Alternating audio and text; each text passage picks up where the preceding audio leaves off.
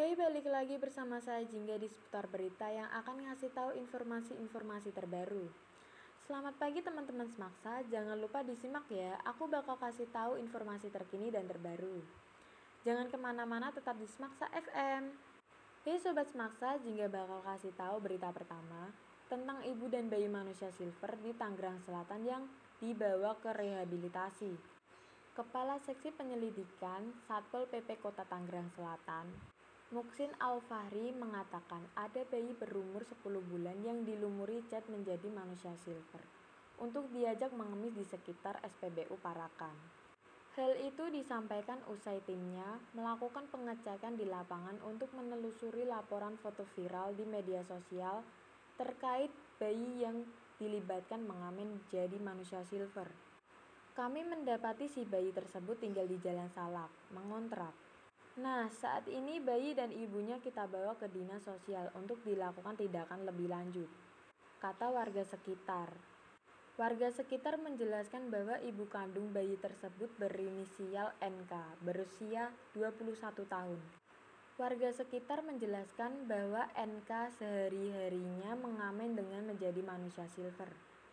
Selama ini, kata warga sekitar, bayi kerap dititipkan ke tetangga berinisial E dan B. Dua tetangganya itu juga sehari-harinya turut menjadi manusia silver.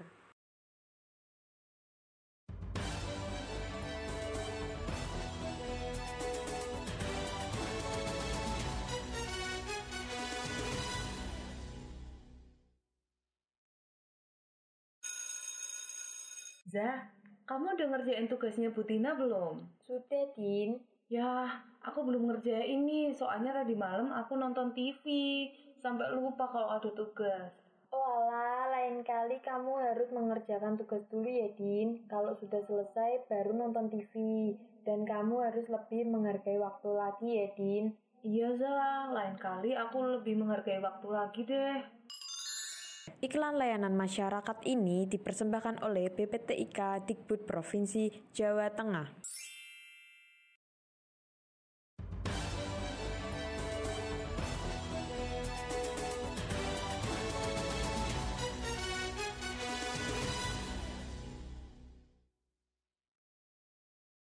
Baik Sobat Semaksa, kembali lagi bareng saya Jingga akan ngasih tahu berita kedua yang viral di media sosial tentang pakar ungkap hal yang bisa memicu gelombang ketiga COVID-19 RI.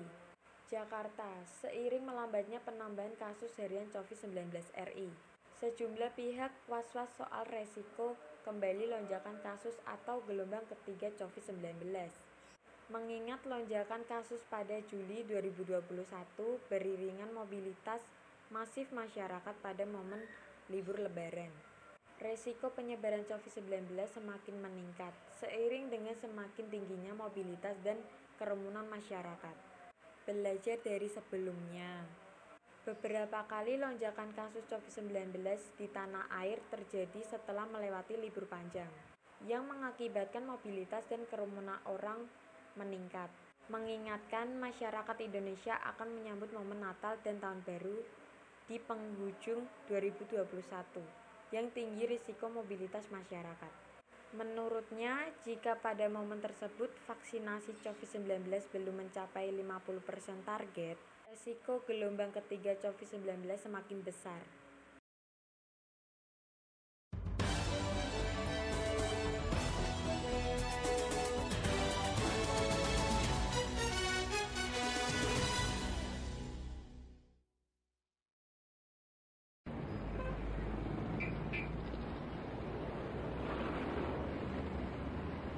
Kamu kenapa? Kamu sakit? Eh, ada apa ini?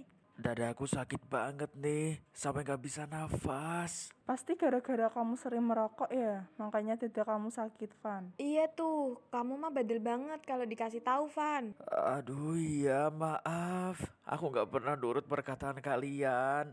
Aku sangat menyesal. Syukurlah kalau kamu sadar, Van, dan udah berhenti merokok sekarang. Sayangi dirimu sendiri. Jangan diulangi lagi. Jaga kesehatanmu mulai sekarang. Hindari merokok dan berhenti merokok karena sangat merugikan diri sendiri dan juga orang lain. Iya deh, iya. Mari berhenti merokok dan hindari merokok karena merokok sangat merugikan generasi muda. Iklan layanan masyarakat ini dipersembahkan oleh PPTIK Dikbud Provinsi Jawa Tengah.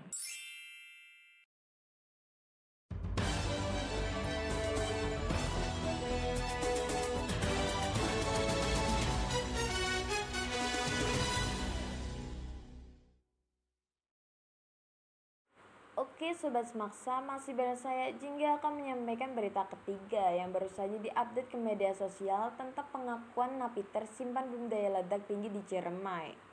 Jakarta, 5 Oktober 2021. Narapidana terorisme Napiter. Imam Mulyana mengaku tak menyangka bahwa bahan peledak berjenis triperokside TATP yang dimilikinya itu memiliki kekuatan yang besar.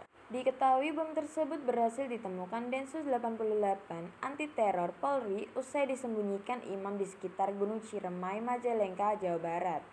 Imam yang ditangkap pada 2017 baru mengaku kepada aparat bahwa dirinya masih menyimpan bom seberat 35 kg di sekitar gunung itu pada 2021. Bom yang ditemukan itu kemudian diledakkan atau disposal oleh aparat. Saya sendiri tidak menyangka bahwa ternyata sangat berbahaya. Sehingga ketika mendengar ledakan tersebut saya menangis. Menangis karena setelah saya menyadari begitu berbahayanya barang tersebut. Kata Imam dalam rekaman video yang diterima dari Densus 88 Senin 4 Oktober 2021. Imam bersyukur bahwa bom tersebut ditemukan aparat sebelum disalahgunakan oleh orang-orang tertentu untuk melakukan kejahatan. Imam tak bisa memikirkan seberapa banyak korban atau kerusakan yang dapat timbul dari barang itu. Napi teroris pemilik bom 35 kg di Gunung Ciremai buka suara. Napiter yang ditempatkan di lapas Gunung Sindur itu mengatakan bahwa dirinya menyesal atas keterlibatannya dalam jaringan teroris yang membawanya memiliki bom tersebut. Saya merasa menyesal, saya merasa bersyukur bahwa barang tersebut dengan hakul yakin saya serahkan kepada pihak yang berwenang, kepada pihak yang bisa menanganinya, kata Imam.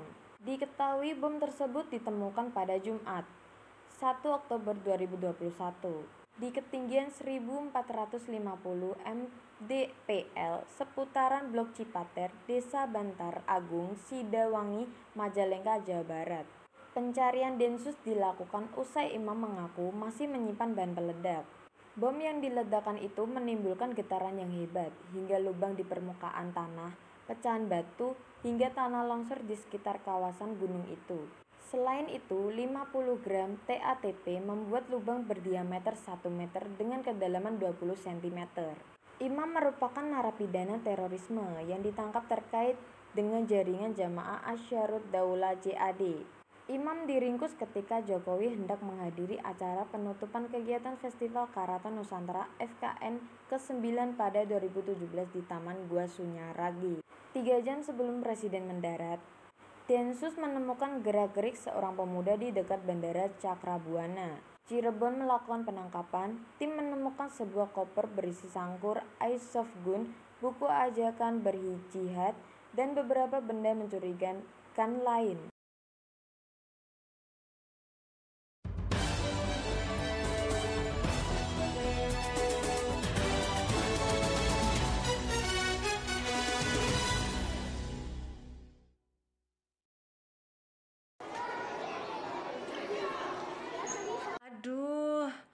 Kenapa pada rusak?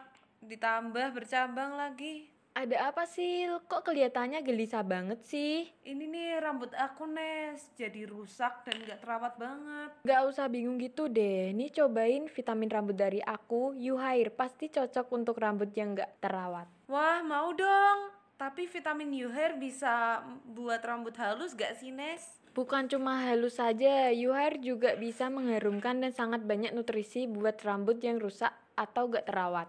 Hmm, ya udah deh, aku cobain vitamin rambut dari kamu, Nes. Oke Sil, tenang aja, vitamin dari aku sangat aman dan terpercaya. Pokoknya nggak bakalan ngecewain deh. Dapatkan vitamin Yuhair di toko-toko terdekat.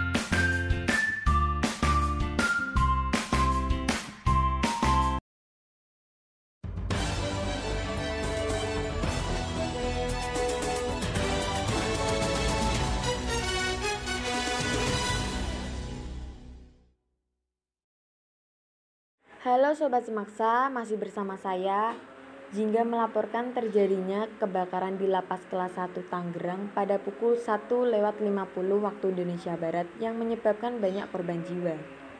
Petugas pengawas melihat ada beberapa api di tempat dan langsung menghubungi pemadam kebakaran.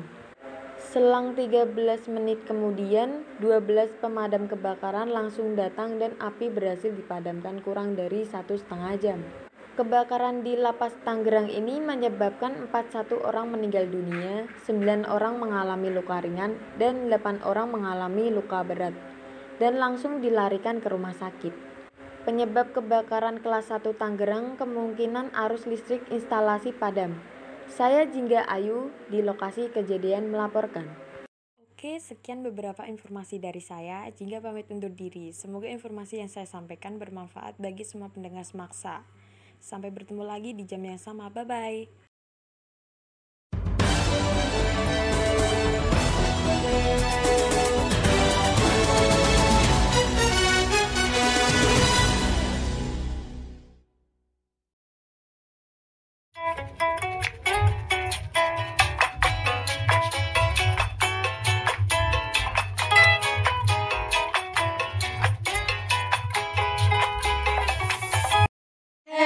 welcome to my podcast.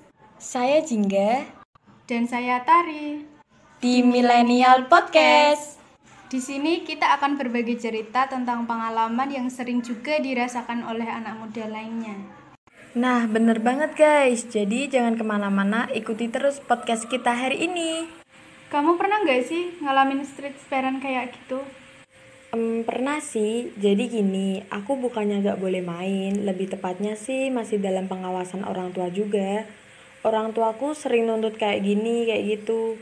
Aku juga pengen kayak temen-temen yang lain bisa menikmati masa mudanya, enggak kayak aku, apa-apa aja nggak dibolehin. Kalau main sebentar harus pulang jam segini, jadi kayak dilarang keluar lama-lama gitu.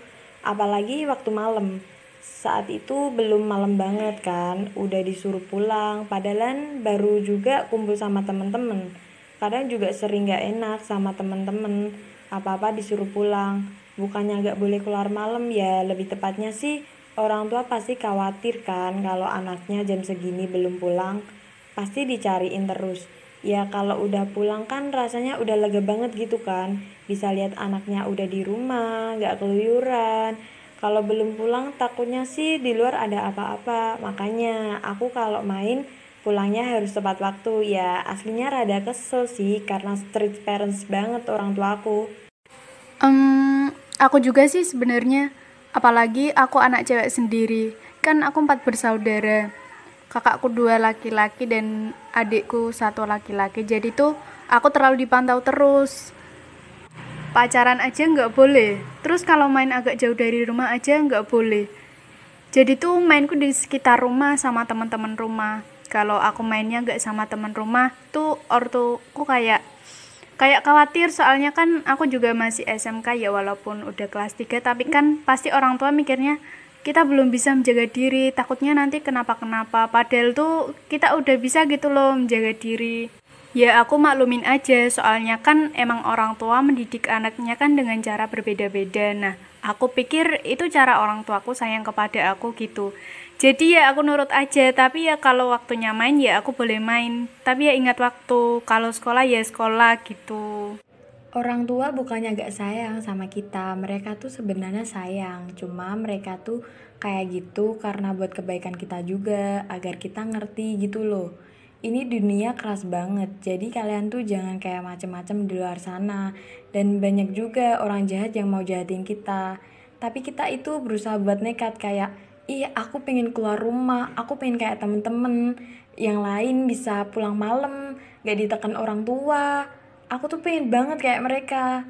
Sebenarnya yang kayak gitu rata-rata orang yang kurang kasih sayang sama orang tua. Jadi mereka bebas mau ngapain aja. Seharusnya kita lebih bersyukur karena masih diingetin sama orang tua. Kalau orang tua gak ada, kita gak bakalan bisa jadi apa-apa ke depannya gitu. Ya, jadi tuh intinya harus bersyukur karena masih ada dalam pantauan orang tua, masih dalam pengawasan orang tua. Kadang ada juga yang udah diumbar sama orang tuanya. Mau pulang jam berapa, mau pergi jam berapa, atau mau nggak pulang, orang tuanya udah nggak peduli. Karena udah beberapa kali juga dibilangin anaknya nggak nurut, nggak manut. Kan orang tuanya jadinya sakit hati. Jadinya dibiarkan. Terkadang yang begitu rasanya juga sakit sendiri gitu loh. Kok aku nggak dipeduliin, kok aku nggak diperhatiin. Ya karena itu salah dirimu sendiri, nggak nurut. Kan orang tua pasti ngasih yang terbaik buat anaknya. Emang ada orang tua yang menjerumuskan anaknya? Nggak ada kan? Ya nggak sih? Nah, kalian yang masih street parents, jangan punya pikiran kalau orang tua kalian suka nuntut ini itu. Mereka kayak gitu karena sayang banget sama kalian, agar kalian itu bisa jadi anak baik dan nggak ikut terpengaruh sama hal-hal yang negatif di luar sana. Sekarang era-eranya banyak kejahatan, entah itu di luar atau di lingkungan kalian. Kita juga nggak tahu datangnya dari mana. Jadi buat anak-anak yang masih ngeluh street parents lebih baik kalian nurut aja sama orang tua. Gak usah macem-macem deh, intinya di rumah aja nonton drakor atau baca wetpad. Terserah sih yang buat kamu nyaman dan enjoy aja. Yang penting gak ngebosenin sih. Yaps, benar banget. Sebagai seorang anak yang mengalami bagaimana rasanya diasuh dengan ekspektasi dan tingkat kontrol yang tinggi, saya menyadari bahwa batasan yang diberikan oleh orang tua kepada anak memang diperlukan untuk melindungi dan menjaga anak dari hal-hal buruk yang terjadi di usia pertumbuhannya, terutama dalam hal pergaulan. Nah, kalian udah tahu kah street parents kayak gimana? Um, bukannya orang tua gak sayang, itu salah satu cara agar kalian jadi anak baik. Oke guys, sampai di sini dulu cerita pengalaman kami. Semoga bermanfaat bagi kalian semua. Terima kasih sudah dengerin. Jangan lupa ikutin terus ya podcast kami agar, tidak tertinggal cerita-cerita kita selanjutnya. Hanya di Millennial Podcast.